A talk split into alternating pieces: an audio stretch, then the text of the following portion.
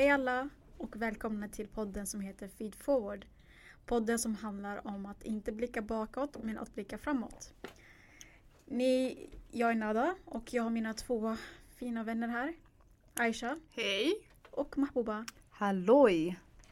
Dagens avsnitt kommer handla om min utbildning som jag läst och det är nationalekonomi. Eh, vi kommer kort gå igenom om själva utbildning, vart den finns och vad den behandlar helt enkelt. Det låter bra. Det vi har väntat på. Yes. Ett tag. Förklaring för vad nationalekonomi är för någonting. Och vår statistik här kanske eller? Nej tack, det vill jag inte veta. Nej. Det, det är inte så komplicerat som ni tror. Okej. Vi Kör på. med. Ja, men jag har i alla fall läst eh, master i nat- nationalekonomi Mhm. eh, och min kandidat, under min kandidat så har jag inriktat mig mot finansiell ekonomi. Jag har läst på Linköpings universitet och jag tog examen förra året. Eh, Vad sa du att det var för inriktning? Förlåt. eh, min mas- kandidaten var mot finansiell ekonomi och, och mastern är mot ekonomisk analys. Och jag valde finansiell ekonomi för att jag ville ha, eller jag, vill, jag ville ha mer siffror helt enkelt. Och jag tyckte att finansbranschen var intressant så jag ville lära mig mer om finansmarknaderna och så vidare. Och, Intressant, intressant. och sen när jag läste min master så ville jag inte ha så ville inte jag vara, bara avgränsa mig till finansiell ekonomi. Så det, det var därför jag valde. Alltså kan du förklara vad du menar med finansiell ekonomi? jag kommer Är det till så här börsen, är det aktier? What, is it, what does this mean? Jag kommer till det. Eh, ja, hur som helst, om vi börjar lite grund då. Hur kommer det sig att jag valde nationalekonomi? Eh, jag läste i natur på gymnasiet och jag, jag hade faktiskt inte hört någonting. Jag visste inte att det fanns nationalekonomi. För vi fick Inte jag heller. Inte Ja, jag heller. För när vi, när vi gick i gymnasiet så fick vi inte den här informationen om att men det, det enda vi visste är okej man kunde plugga till eh, ekonom, läkare och så vidare men inte att det fanns specifikt nationalekonomi. Ja faktiskt. Alltså det var, grejen med, med skoltiden var ju att du, det finns alltså många mer yrken de- Alltså det är typ så här, du vet kulturen, kulturell bakgrund. Man vet att det finns ingenjör, man finns, det, det, finns läkare, det finns jurist. punkt slut. Alltså det är typ den gränsen. Ja. Sen om de är lite avancerade, de bara oh ekonomi eller psykolog. Det är typ det. Ja. That's it. Men idag Nej, har men det det faktiskt finns- blivit mycket bättre. ja men det jag finns hoppas inte den här det, för in- studievägledare är fan worthless alltså. Ja, och det finns inte den här interaktionen mellan liksom arbetslivet och liksom skolan också. Ja, ja, man har ingen Och- chans att träffa någon som jobbar där. Ja, det är bara så här, ta studenten och så måste du välja Mm. någonting men man vet inte så mycket Mm. faktiskt. Man vet inte så mycket. Som du säger, man vet ju läkare, Ja. advokat och ingenjör. Ja, Ja. det är typ ja. mm. Så hur som helst, jag visste inte egentligen vad jag ville bli. Men jag var i alla fall nyfiken på ekonomi. Jag ville lära mig mer om ekonomi. Och då hade jag av slump valt nationalekonomi och jag kom in på det. Och Men sedan, du visste inte alltså? Nej, men jag hade valt några ekonomikurser, kommer jag ihåg. Mm. Men jag visste inte att nat- nationalekonomi var på första plats liksom. Jaha, det var ett Så- program och you didn't know. Nej, jag, jag har läst kurser Aha. och då har jag skapat, då kan man ta ut eh, kandidatexamen genom att läsa kurser. Men du Aha, måste okej, ha okej. x antal statistikkurser, eh, nationalekonomikurser och så vidare. Men min master var ett program. Så man behöver liksom inte söka ett program eh, Mm. från början för att liksom För vi har ju läst biomedicinska analytiker och Precis. då måste man söka ett program som är tre år. Ja, Men era, här kan man liksom samla på kurser och på det viset ta ut en examen. Precis, man designar helt enkelt sin kandidatexamen. Eh, Men det finns krav på vilka kurser du måste läsa. Och i Linköpings universitet så finns det inget program för nationalekonomi som det finns till exempel här på Stockholms universitet. Mhm. Utan man kan välja att läsa till civilekonom och därefter väljer man inriktning mot nationalekonomi eller företagsekonomi. Det är mycket som man Så- inte vet om. Mm. Ja, Speciellt det där med designa sina egna studieprogram tror jag kommer vara intressant för unga Mm. som inte kan bestämma sig. För jag kände Ja. också sen när vi gick eh, biomedicinska analytikerprogrammet, alltså vissa kurser man bara alltså vad fan gör vi här liksom? det passar inte. ja, typ. alltså, Ja. Det, det, alltså det makes no sense. Vi, vi gick en sån här projektikkurs som var så här typ att man skulle skriva ehm, eh, göra valideringar på typ olika metoder. mm. Och alltså, det har att göra med vårt yrke på visst sätt. Men sen skulle vi också skriva en labbhandbok. Jaha. Och jag bara, alltså typ såhär hur man tar vissa prover. Och jag bara, eh, inte det, finns det inte provtagningsanvisningar? vad, ju, vad gjorde ni i Uppsala? Alltså I have no clue men det känns som att Stockholm var värre. Jag tror Karolinska var, alltså, alltså när, jag, när jag pratar med folk som är från, har gått på Karolinska, alltså det verkar som att det var kalibalik. Alltså, Det är ju kalabalik i Linköping också men alltså vi hade vi hade en kurs som var 30 högskolepoäng och då var det ändå ganska bra liksom upplagt. Men Men Nej, så, Upp- så, eh, Uppsala var också jättenice upplagt men Karolinska verkar som att det är kaos. Ja, men så roligt är det inte i alla fall när man väljer att läsa kurser utan du, det finns obligatoriska kurser som du måste ha Ja. för att kunna ta ut en, en kandidatexamen senare. Ja. Så det, det finns så jobbiga kurser som man tycker det är helt onödigt. Men det måste vara också jobbigt att välja kurser eller vet man, har man studievägledare som Ja. man går till som liksom säger välj de här så kommer du se eller vem är det som hjälper dig egentligen? Ja, det är studievägledaren som hjälper dig och hon säger till dig, "Ja, men är du intresserad av nationalekonomi då ska Mm. du välja de här kurserna för att kunna ta ut en kandidat senare. Så det finns olika inriktningar. Man kan också ta ut, eh, man kan läsa företagsekonomi genom kurser också. Jaha. Eh, även statsvetenskap vad jag har för mig. Mm. Eh, men Intressant. Man ja. behöver inte alltid plugga program, det är bra. ja precis, så det är Ja. jättebra. Men helt enkelt om, om vi går in på vad handlar nationalekonomi om. liksom. Ja, förklara. Ja. Eh, nationalekonomi är då en samhälls, samhällsvetenskaplig ämne där man studerar bland annat produktion, distribution och konsumtion av varor och tjänster. Det låter lite svårt där. Ja. Men Kan man, du- kan, man kan säga att man, när man pratar om nationalekonomi Ja. då pratar man om både makro och mikroekonomi. Okej. Wow, stora ord. Ja. Ja men ni kommer, ni kommer, ni kommer Men vi förstå kan, det vi lätt. kan makro och mikro för att vi är ändå liksom vetenskapliga människor allihopa. Ja. Ja. Så så långt fattar vi. Ja, Ja, makro och men- mikro, yes. Ja, enkelt makro betyder att man studerar en sak på en nationell nivå eller Mhm. man vill studera till- exempel arbetslösheten i Mm. Sverige eller England. Så Okej. på, På ett På hög- nationellt nivå. precis. Ja. Ja, På ett makronivå. Ja. På ett stort plan, På makro. makro. Ja, Wow, Okej, vi mik- mikroekonomi, sa du det? ja precis, mikroekonomi handlar om in, alltså på individnivå. Aha, okej, Det- på den lägsta nivån. Precis, att man till exempel eh, följer säg fem personer under två år. Eh, hur mycket spenderar de eh, pengar på mat, hur mycket konsumerar de? Ja men varor och tjänster liksom, att man studerar på mikronivå. Intressant faktiskt. Ja, så det är de två liksom. Okej, makros man har. största plan som är nationell eller internationell nivå. Precis. Mikro på lägsta plan, individplan. Precis. Okej, we're into Då- it. I då- get it. då är I vi med. Jag är nationalekonom nu. Ja, Vad var det som var liksom roligast då, alltså under din eh, studietid? Alltså när jag började läsa första kur- grundkursen Mm. så, var, så fick vi så här gå igenom ja, men utbud och efterfrågekurvorna. Liksom. Hur går det ihop? och Liksom, vad är skärpunkten och så vidare. Ja. Mm. Det tyckte jag var intressant att det inte bara var teorier, liksom, att bara läsa teorier och alltså, nöta in och sen tenta av Som när det. man eh, hade matte i skolan. Nej, matte Det var är massa kul. krav. Det, det Alltså, Jo men det var det ändå där så ingen bra förklaring. Nej men liksom det, vi ritade massor. Aha. Vi ritade, men så här kan det se ut och eh, så det, det, fanns, det finns logiskt samband. Ja. Man förstår, man, man blir så här, jag blev nyfiken i alla fall, jag vill Mm. lära mig mer.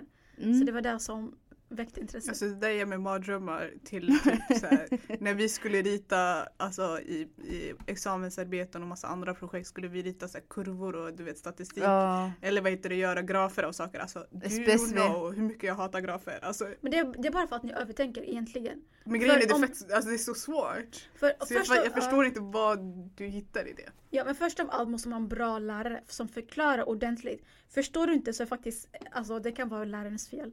Eller att det kanske är lite svårt för dig. Men jag tror starkt på Vad menas? vad menas Nada? Vissa till exempel har jättesvårt för matte.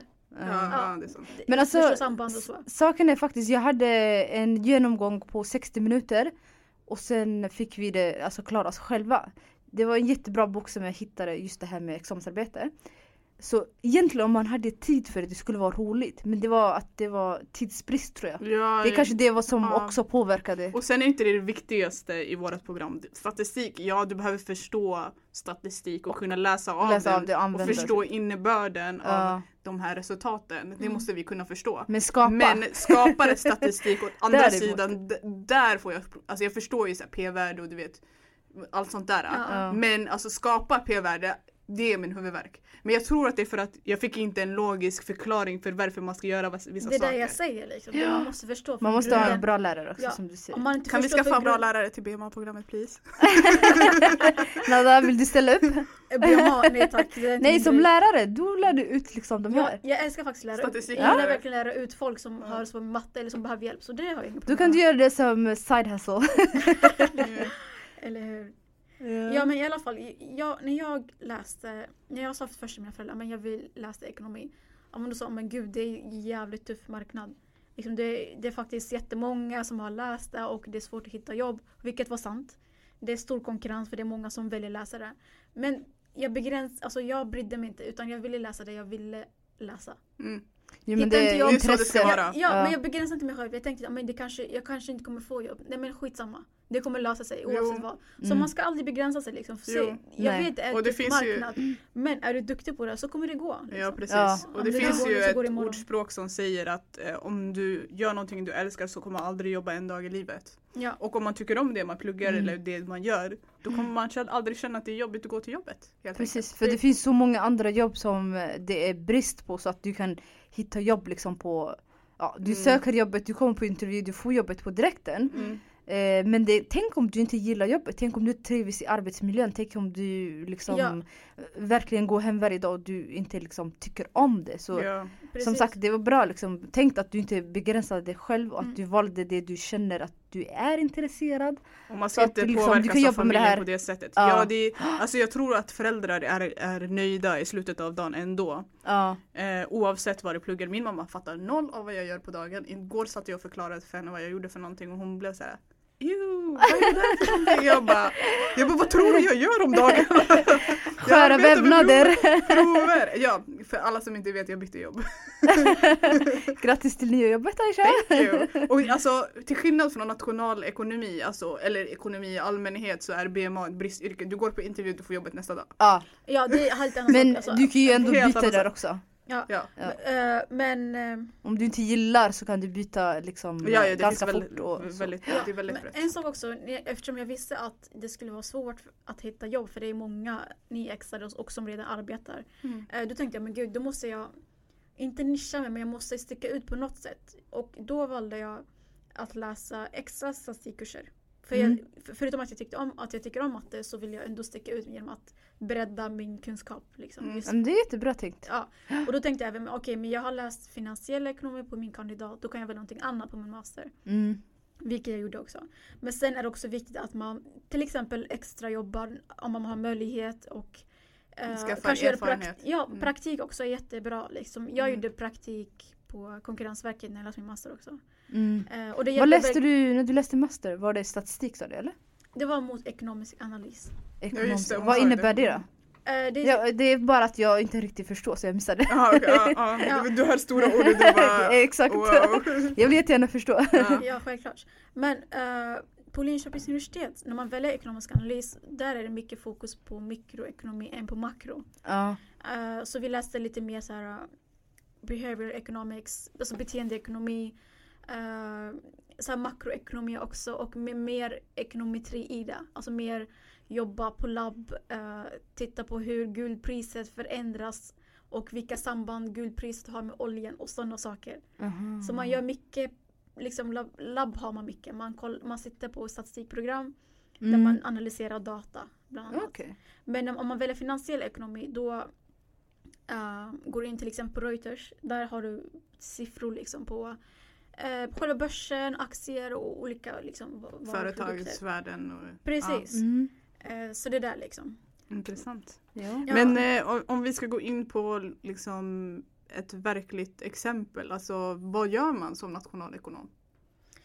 Jag jobbar till exempel nu som eh, dataanalytiker på ett konsultbolag där jag främst analyserar data och statistik och sen förklarar vad jag kommit fram till. Mm. Eh, men som nationalekonom så kan man också jobba som eh, utredare på myndigheter privata bolag. Mm. Ehm, som forskning, många, efter examen så jobbar många som eh, forskningsassistenter. Så det är väldigt brett. Man kan både Mm. jobba på offentligt och på privat sektor. Eh, så det beror på vad man har för intresse helt enkelt. Eh, men jag rekommenderar verkligen nationalekonomi alltså den är perfekt för de som brinner för analys, skapa prognoser för framtiden och att hitta samband.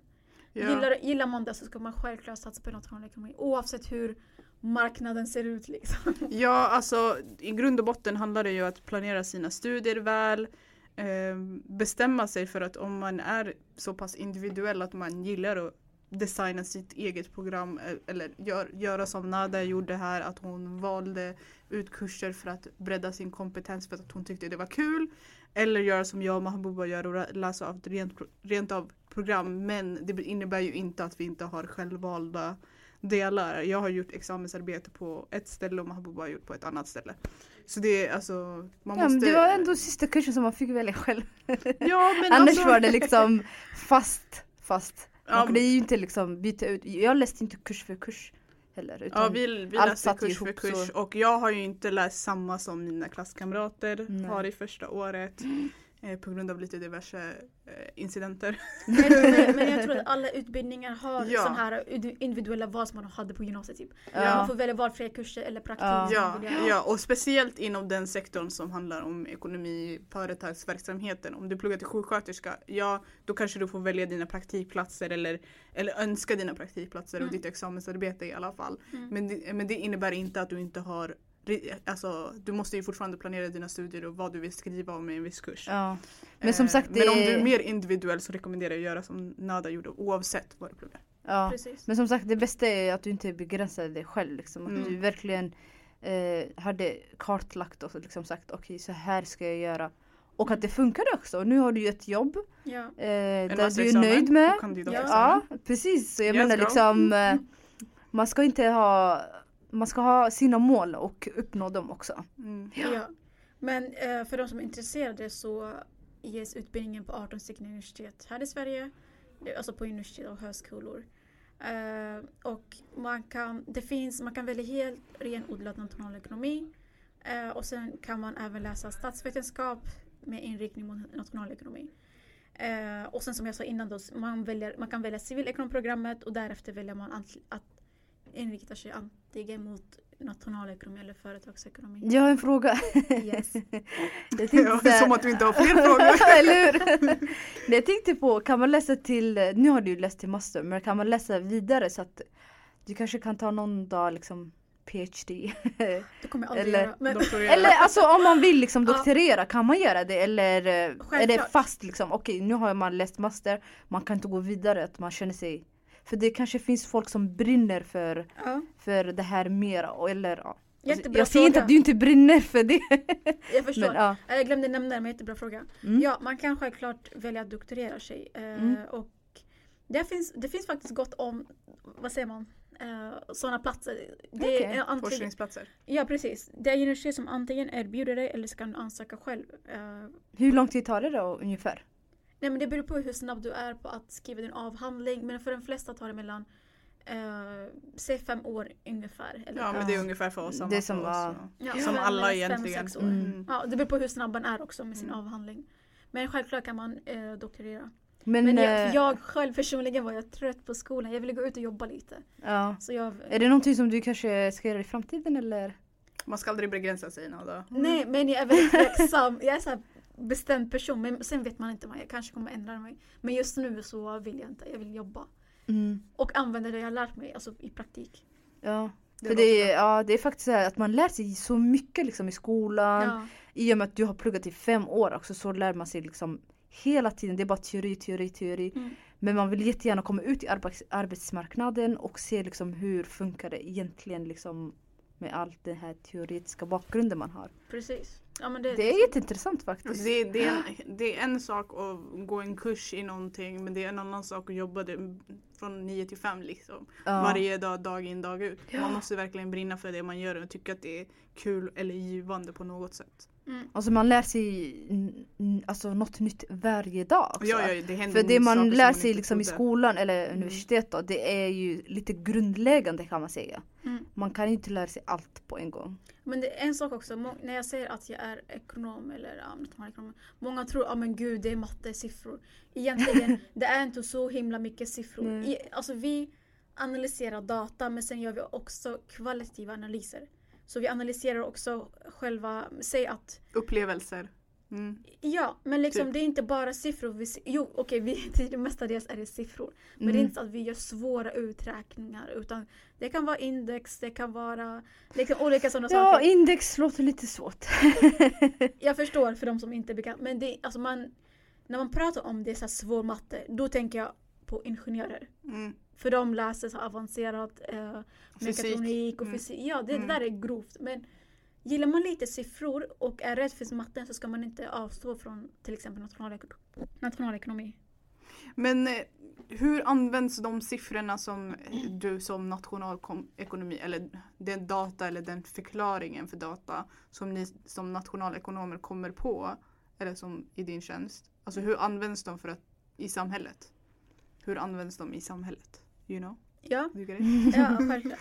Eh, säg till exempel att ehm, någon organisation vill, uh, säg att Cancerfonden vill minska risken för unga vuxna eh, att få cancer. Mm. Då vill de att, eh, de vill de, då vill de att de här personerna ska men, röra sig mer, äta mer hälsosamt och så. Då kommer de, kan de komma till oss och fråga men okej kan, ni, kan ni göra en analys för vilka målgrupper vi ska inrikta oss mot? Vilka är de svåraste och vilka är de enklaste grupper? Och då kan vi göra analys av och se okej hur ser till exempel kunskapsnivån hos unga vuxna?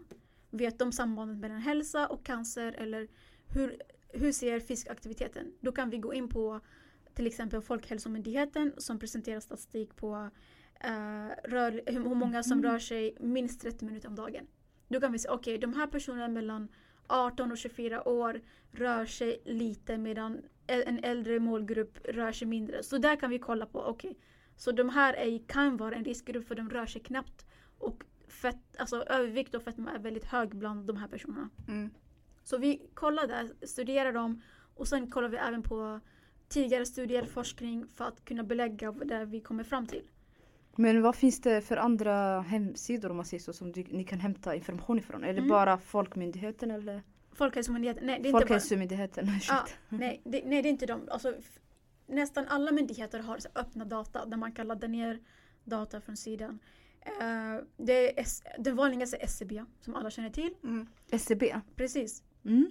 Men sen har till exempel alla kommuner eh, off- offentlig eh, statistik, Försäkringskassa, alla har det liksom. Mm.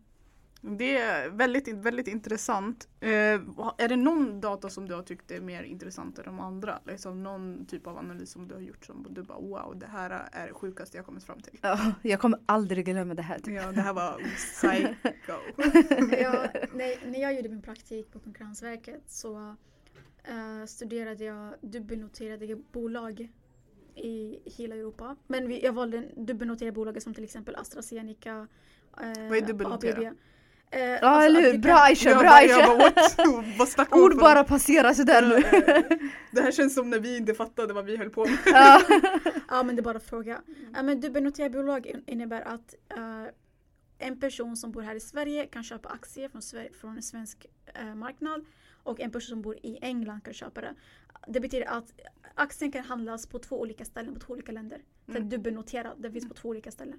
Ja. Okej, Aha. jag hänger med. Ja. Okej. Eh, men de säljs eh, i SEK och i eh, pund. Så det är. GB, GBP, så det är olika valutor. Mm. Aha. Så i alla fall det där, när man kollar på aktiedata då är det så här daglig pris, stängpris, upp, alltså öppningpris och Hur det har eh, varierat under tickpris. dagen. Ja precis, det är massa, massa olika variabler. Men får jag bara avbryta, är det som, du vet ibland man, när man kollar på TV så är det de här som säljer typ så här, eller som pratar väldigt fort. Har ni sett det här marknaden?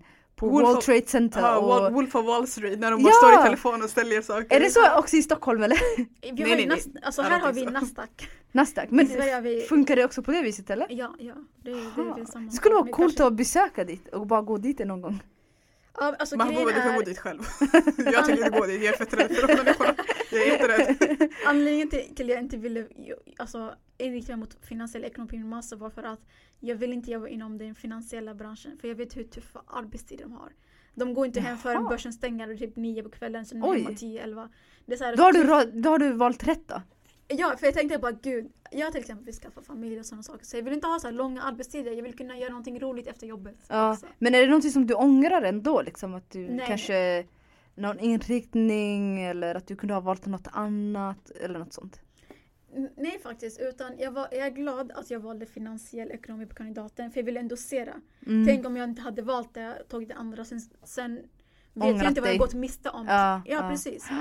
Så nej faktiskt, jag... Du är man ju ska inte nöjd. saker i livet. Jag säger, all, jag säger alltid det här till dig Mahbouba. Alltså, Ja. Även om man har råkat ut för någonting som man tycker så här, wow det här var största prövningen. Ja. Det är ändå någon mening bakom det. Det var, det var kanske universums test att testa dig eller Guds test. Eller, eller alltså så här, Mm. Det var kanske en, eh, en anledning för att du skulle få veta vad du verkligen brinner för. Vad du, vad du borde göra, hur du borde göra.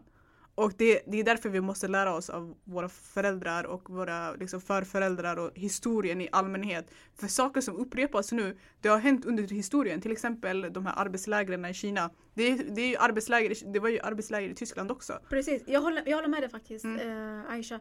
För att, eh, alltså varför ska du ångra dig? Det, Ja. det har hänt och hänt liksom. Istället ska du fokusera på idag och vad, vad du kan göra i framtiden bättre. Ja, Lärdomen i den där prövningen. jag förstår inte folk som sitter och har Okej, folk kan ha ångest av olika orsaker. Men att ångra det som har hänt, varför ska man göra det? Vad är det för nytta egentligen med att bara sitta där och tänka och tänka?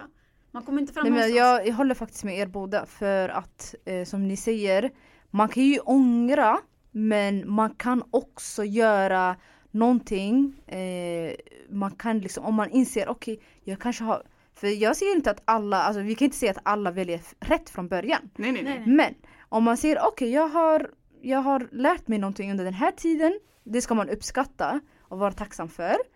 Och sen kan man ju rätta till det. För egentligen det man kan göra, jag kan göra ett val idag och jag kan förändra min framtid. Precis. Eh, så jag håller 100% med er. Så alla ni som ångrar karriärbyte, det går bra, gör det. Så fort du känner att du inte trivs eller att du känner att du har, har kanske valt fel yrke, du kan alltid byta. Jag, jag Du kan med. läsa högskoleprovet, du kan läsa upp det, du kan söka nytt. Komvux finns, Du, det finns du är aldrig för... Ja. Folkuniversitetet, det Ja. finns ABB, det finns Man ska inte känna att man är för gammal det finns heller. Medborgarskolan, Alltså det finns massa olika grejer. Vi kommer lägga ner links Down under- below. down below. Men eh, det finns, say. också, det finns också faktiskt eh, folk som kanske är 45 år gamla eller ja, över 40. Och då kan de också känna sig åh nej jag är för gammal. Jag trivs inte i det här. Det här är inte vad jag brinner för. Mm. Men eh, oj, jag är gammal. Jag tycker inte att man ska känna så. De har ju jag fortfarande tycker halva arbetslivet kvar. det är den. Tänk om man lever till 100. Och man fortfarande håller på med det som eh, till man är pensionär. 20 år eller 25 år till. Mm. Nej, byt och Ja. Så länge man känner att man inte bidrar någonting med Ja. jobbet, det är väldigt Ja. trist. Varför ska du vara där kvar? Nej men ibland kan man faktiskt bidra, det kanske finns, eh, det är meningsfullt li, alltså jobb. Eh, men man kanske känner så här: okej det här brinner jag inte för. Det finns andra saker som jag brinner för. Ja. Och då känner jag ändå, jättebra du har lärt dig någonting under tiden, det kanske du kommer ha nytta av men byt om du vill. Precis. Om Och du inte sen, brinner för det. och sen vill jag säga på det där, eh, på tal om med ångest. ehm, alltså ångest, rena definitionen är att man har oro eller eh, alltså äng, eh, liksom, eh, eh, har ängslan över någonting som kommer hända eller har hänt eller på något sätt man övertänker situationer. Mm. Eh, och där, därmed vill jag säga att det, det är ingen du vet, grej utan det, det är liksom en evolutionell grej som har kommit av våran biologi. Vi hade oro för att vi var rädda för att vi skulle bli uppätna av tigrar eller. Så det, Rovdjur. och nu, alltså våra, våra stresssignaler reagerar på saker som inte finns och därmed kan det hända att man får oro. Men vi Mm. kommer gå in på det i nästa avsnitt som kommer handla om mental hälsa. Mental hälsa, ja. Yes. det Men för att gå tillbaka till ditt eh, intressanta projekt om eh, dubbelnotering eller vad det var. Du- Ja, dubbel... Du kommer nej, ju aldrig glömma det. nej det var inte dubbelnotering, vi var på, vad heter det när du praktiserade? Ja, men Ja men det var, det var dubbelnotering. var det dubbel... Okej, det var okej. dubbelnotering. Ja. I remember. är, det, är det så svåra grejer jag pratar Ja, om? eller? ja. Alltså flyger oss över huvudet. Ja, vad tycker ni lyssnare? Är det svårt? Har ni förstått det? Skriv jättegärna era frågor. down below. Ja, Nej, även om, skicka om ni vill eh, veta eller mer skicka, om, om ja. själva liksom, programmet eller, Eller om oss, själva ämnet eller så bara Bidra med fråga. frågor. Men det är Men, eh, jättesvårt Nada. Vi lägger till vår e-mail i eh, beskrivningen så får ni jättegärna skicka mail med era funderingar. Men Så Boba, Nada kommer när- besvara. Ja, när du, du ska, varför ska du säga att det är jättesvårt? När du Nej. säger det är jättesvårt då begränsar du det redan. Nej men jag menar jag har, Alltså, vi wow. har pratat nu. Nej men kolla jag kan förklara. Jag säger att det är jättesvårt för vi har pratat nu och jag har försökt förstå. Mm. Eh, jag förstår ju det du säger. Men jag menar liksom det är ändå svårt att sätta sig in på under 40 minuter. Så därför jag Ja. menar liksom Ah, okej. det är jättesvårt så det är okej om ni skickar frågor till Nada. Hon kommer besvara era frågor. Jag, missförstod det. Ja. Eller om andra saker. Om andra saker. Nada gillar inte Ja, att man ska men- begränsa sig. Men, Och eh, jag är också en sån. Aisha också eller ja, jo, men man ska, man ska aldrig begränsa sig till någonting i livet. Man ska aldrig säga att man är färdig. Nej. Utan man ska alltid sträva för att utvecklas som människa, utvecklas Ja. i sina mål, utvecklas som person, i sin familj, all, all, i sin, sina känslor. Och därmed ska man aldrig leva för bara idag eller såhär, ja jag skiter i liksom, jag lever för idag. Utan man ska alltid Planera, inför planera, imorgon. planera inför Mm. imorgon. För if, if, ja, om imorgon inte kommer, fine. Alltså, du är klar men du har levt ett tillfredsställande liv för att du visste vad du skulle göra imorgon. Ja. Förstår ni? Så det, det, det, that's my... Be mindful. Ja, Be tänk, cool. tänk, be cool. be cool. Balans och harmoni som han brukade säga. Eller Ja. Hakuna Matata. Hakuna Matata. Har ni hört att, eh, vet ni att jag har blivit, eh, när jag tog examen eh, 2017 så var det två av mina eh, klasskamrater som sa okej vi ska sätta namn på alla, du vet såhär klassens, så fick man ett namn. Jag blev såhär klassens Hakuna Matata. För varje gång vi hade prov eller inlämningar jag bara alltså chill, det kommer gå bra och de var såhär hyper och stressade jag bara chill. Så jag fick såhär klassens Hakuna Matata. Kan ni, Ja, jag var alltså- klassens argbigga. Va? I, i, Vad betyder det? I högskolan, att jag var arg hela tiden. Men grejen är alltså när jag var liten, alltså, det här var kanske såhär Men du är inte arg som person.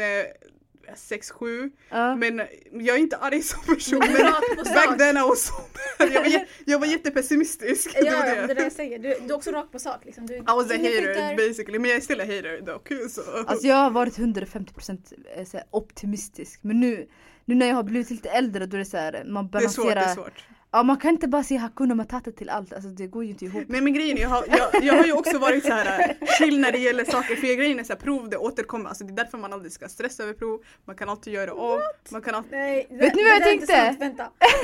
Nada. När jag har prov, jag stressar skit. Eller jag, plan, jag gillar att planera. Jag är organiserad, jag pluggar mycket, alltså god tid i förväg. Men Okej mashallah, sen alltså, när jag wow, provet- amazing! jag måste ha den stressen i mig för att kunna prestera. Ja. Om jag så här, tänker att men det kommer gå bra, jag, det är bara chill och grejer. Då kommer jag kugga den. Typ. Det känns som det. Ja. För om jag tar det på allvar och stressar över, då vet jag okej, det kommer ge mig det andra, alltså det kommer, det kommer bli en annan effekt. Det kommer vända. Ja. Men är jag för chill, det kan, det kan bli liksom det andra. Kan du det kan hjälpa gå mig. Nada? Med I, planeringen. I need it. För grejen är, jag har alltid varit så här. Eh, jag behöver, alltså i uppsatser och sånt där, jag brukade Mm. alltid skriva du vet flera, flera dagar innan, en vecka innan ibland, alltså bara för att bli klar med dem. Mm. Men tentaplugg, alltså jag kan inte plugga mer än en månad i förväg. Alltså så här, en, inte ens det, två dagar i förväg. Jag kan inte. två det- dagar i det, förväg? men grejen är för mig, Aisha alltså, har du hittat din eh, rätt studieteknik? nej jag har ingen studieteknik. Det Men grejen är för mig, om jag sitter på en föreläsning, alltså det, det mesta sakerna fastnar. Ja. Men varför var- behöver du plugga då? Men det är de här, du vet såhär, För jag måste sitta ner och plugga, plugga, plugga. Men kommer du ihåg till exempel om vi ska gå in på ett specifikt exempel. Det finns ju någonting som kallas ehm, koagulationskaskaden. Ja. Och nu är ni jättespecifika. Ja det är väldigt väldigt specifikt. Väldigt det är specifikt. sättet vi koagulerar Ja. vårt blod. Alltså, så här, hur, vi, alltså hur vår kropp stoppar blodflödet om vi får ett sår. Så att vi får blodklumpar Bro, förstår ni att det är typ 30 bitar i den där grejen Mm. och allting heter olika saker. Ja. Alltså det är, den, alltså det är mest komplexa och du måste förstå vilka faktorer som kan stoppa så att man inte det finns får... ju två vägar Det är också, komplext för en interna anledning. och externa. Ja, ja, ja, precis. Och det, Jag har redan huvudvärk nu Ja men problemet är också i den är att eh, det är komplext för en anledning, man förstår ju det. Man, det ska inte koagulera mitt i du vet medan du har flytande blod i din kropp utan Mm. det ska bara koagulera när du blöder. Mm. Och det är komplext för en anledning men herregud plugga in den där Alltså det tog mig typ så här, alltså sådana där saker fastnar inte lätt. Eller till exempel så här, immunologi, alltså så här, hur vi eh, skapar vad heter det, eh, reaktioner mot, mot utomstående ämnen som till exempel allergi. I don't understand, alltså på riktigt, det tog mig typ tre dagar innan jag fattade hela grejen. Men du, Ja. har, du har klarat av, du har examen men grejen är Men det är inte ni lätt. tycker Att, Det är inte lätt, Vänta, det, men det är fel att- att, att göra som jag gör. Jag, jag förstår vad du menar. Men alltså det, det roliga är bara att ni tycker att mitt ämne är så jättesvårt och grejer. Och jag tycker eran är, alltså det, jag kan inte Det är ta in komplicerat. det i huvudet. Det är så mycket. Ska jag kunna Ska jag kunna namnen eller ska jag förstå? Vad är det man ska göra? Det är massa grejer. Det är biologiskt så jag kan förstå att det är Det är väldigt mycket. komplicerat Ja. faktiskt. Är att eh, man ska men stava rätt också. Man ska stava rätt allt också. Men Ja. Aisha som du säger, det här med kaskaden till exempel om vi går tillbaka. Eh, för mig är det lättare om jag ser en flödesschema. Och den där kaskaden var typ en av de lätt- lättaste sakerna kan jag säga. För Men- det finns Men du har en bild. riktig kaskad som du bara följer. Men när det är inte helt text, du vet. Massa text du ska läsa. Jag är tvärtom. Hur ska det fastna? Det är det jag menar med studieteknik, man måste känna, man Men måste, du måste har- känna det själv. Vad är det som är rätt? Vad, hur eh, fastnar saker och ting? Vad är det liksom, alltså man måste ju hitta sin studieteknik. Plus man måste hitta en pluggkompis. Som Ja. kanske Nada, som planerar jättebra, som tar dig dig. så att du pluggar. Men i alla fall det här med, eh, vi kom in med planering om Hakuna Matata var det, eller hur? Ja. Det här med tentor kan jag säga till dig Nada. Mm. Alltså jag tänkte så här, okej jag ska prestera så att jag får godkänt. För det var det enda vi kunde få. Det Godkänd eller eller underkänd. B. Vi har konkurrens. Vi har Ja. vi, alltså, Men- godkänd och vi, välgodkänd. Det, Ja, Nej, det ty- det tyvärr är hade vi godkänd tur men godkänd. ja. ja. That's the only thing you have. That's the only thing. Men det enda var jag tänkte var okej jag, jag, kommer, jag vill få godkänt och det var det jag kämpade för. Mm. Men om jag inte fick det eller om någonting gick snett för Alltså under de här tre åren det är ändå mycket som händer privat. Mm. Så om det inte gick som det skulle så tog jag ändå så här, aha, okej vad bra. Då har jag en månad till att plugga kanske vissa saker som jag har missat. För det här är ändå någonting som jag kommer jobba med i framtiden. Ja. Så tänkte jag, aha okej, då pluggar jag lite mera och så får jag mer kunskap i det ämnet som jag kan ha med mig i framtiden. För det är ändå inte för tentan jag pluggade för utan det var ju för liksom Som den där reklamen för livet, man För pluggar livet. för livet. Ja. för livet. Ja. ja, så det- var ändå, jag såg det på ett positivt sätt, tänkte okej du kuggar men alltså ja, jag kan lära mig mycket mera. Ja, grejen är också när jag brukade kugga, alltså alla kuggar. Det är inte, det är inte så att jag klarar av alla, på, alltså alla tentor rakt av. Men Jag har väldigt svårt jag, att tro att det finns Ja, någon. Men sen när jag hade faktiskt hittat min studieteknik, jag kuggar inte på någonting. Alltså jag klarar av det, Ja, alla kurser så, det för jag pluggar ordentligt i god tid. Men det roliga är, när jag brukade kugga, det är inte så att jag blir ledsen när jag ser det här att jag blivit underkänd, utan jag blir arg. Jag bara skit. Nästa gång jag ska fan få VG annars liksom. Det. Mm. Så jag, pre- alltså, inte så att jag, pre- jag pressar inte mig själv utan Mm. jag säger bara alltså jag ska klara av det. Inte så att jag är Ja. dålig. Jag kan ju det här, varför ska jag inte kunna det? Mm. Så det finns vissa folk som blir så här ledsna och liksom lite nere. Eh, mitt Men mål, jag blir istället arg bara vad fan det här ska ju gå. Varför, ska jag, varför kan inte jag få VG? Jag ska få ännu bättre till och med, inte Ja. bara godkänd. Ja. För att Men- inte gå djupt in i studieteknik, vi kommer ha ett speciellt avsnitt om, eh, om studielivet eller våra liv som studenter. Då kanske vi kan ge råd, studieteknik. Inte Ja. för att jag är expert men alltså. I'm just saying, alltså mitt mål var bara att få ett poäng över, över godkänt. För I couldn't care less. Det där Alltså, var inte bra det Mashi. Man ska... men grejen är, nej, alltså, min grej är alltid så här, äh, man kan alltid göra om. Det är, det är ingenting i livet som man inte, alltså det är ju det är ditt liv som du inte kan göra om. Din jag tid älskar du är ärlig. Jag ja älskar men att du är din, ärlig. din tid, För jag menar liksom, det är inte många som Jag kan säga. inte Men för jag- mig var det också likadant. Liksom, så länge jag har fått godkänt och uppnått mitt mål. Då spelar det ingen roll om jag fick 100% Mm. av 100 eller eh, 80% av 100. ja Alltså, bara du hade gjort ditt bästa när Ja. du satt där på tentan. Ja. Och det är därför jag inte förstår mig på folk, alltså det här, det här hände ofta under studietiden. mm. Att folk gick till tentan och inte skrev någonting. Nej, ja, precis, För att de fick ångest. Eller? Nej nej nej, de skrev de gick till tentan bara för att läsa frågorna. Ja, Jag har det gjort det en gång. det Jag har aldrig gjort det. ingenting. Det är bättre att du Ja. Faktiskt, faktiskt, faktiskt. Men-. Men det jag säger Nej men kolla. Alltså först försök i alla fall skriva no du, Det är inte som att du inte kan någonting. Ja, Du har ju ändå varit på lektionerna. Ja. Men saken är faktiskt, eh, jag minns en gång då hade jag eh, det var mycket som hände så jag hade inte tid att plugga till tentan. Eller lite pluggade jag men jag visste att okej det här kommer inte räcka. Men jag tänkte okej jag, ko- jag kan ligga hemma, chilla eller kanske plugga till tentan under de här fyra timmarna. Eller Så kan jag gå dit, skriva det jag kan, få frågor som jag kan plugga till nästa tenta. Ja, Och det gjorde jag och det var faktiskt värt det för nästa gång när jag gjorde det så fick jag godkänt. Ja, men vi kommer i alla fall i ett annat avsnitt prata hur Mm, mycket ja, som precis. helst om vår studieteknik, studentliv bland annat. Studentlivet, hur det var. Ja, men... Nationalekonom! Ja, Precis, som ni hör liksom, är du en person som gillar att analysera. När du jobbar som nationalekonom, du är hjärnan bakom det hela arbetet. Du gör det grundanalysen som ingen annan kan göra det på ett pedagogiskt sätt. Eh, så det där är jättehäftigt tycker jag faktiskt, att kunna göra det. Mm. jo Som det är ju sagt, och de om- som, det är ni som tar fram användarvänligheten i princip genom att göra statistik till exempel när man ska köpa en byggnad. Så det har du sagt till mig Alltså tidigare. vad som helst. Jag gjorde analyser för bostadsutvecklare som ville bygga bostäder.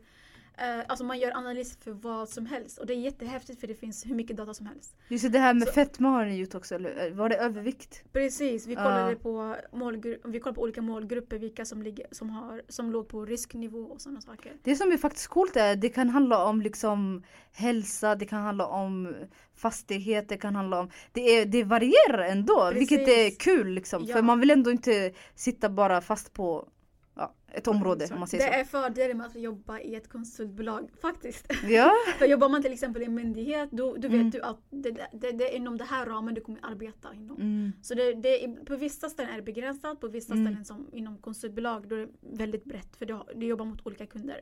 Det är ju de jobben som är roligast att jobba Precis. inom när det är man När kan göra lite vad som helst Mm. när det inte är samma saker Ja. varje dag. ja för det kan bli långtråkigt om man ja, när man väl kommer in liksom. Inte för att, no shade to Efter- those people som gillar att göra samma sak varje dag. Men om ni har frågor om vad som helst som handlar om nationalekonomi eller om ni är osäkra vad, vilken inriktning ni ska välja så är det bara att ni hör av oss till oss.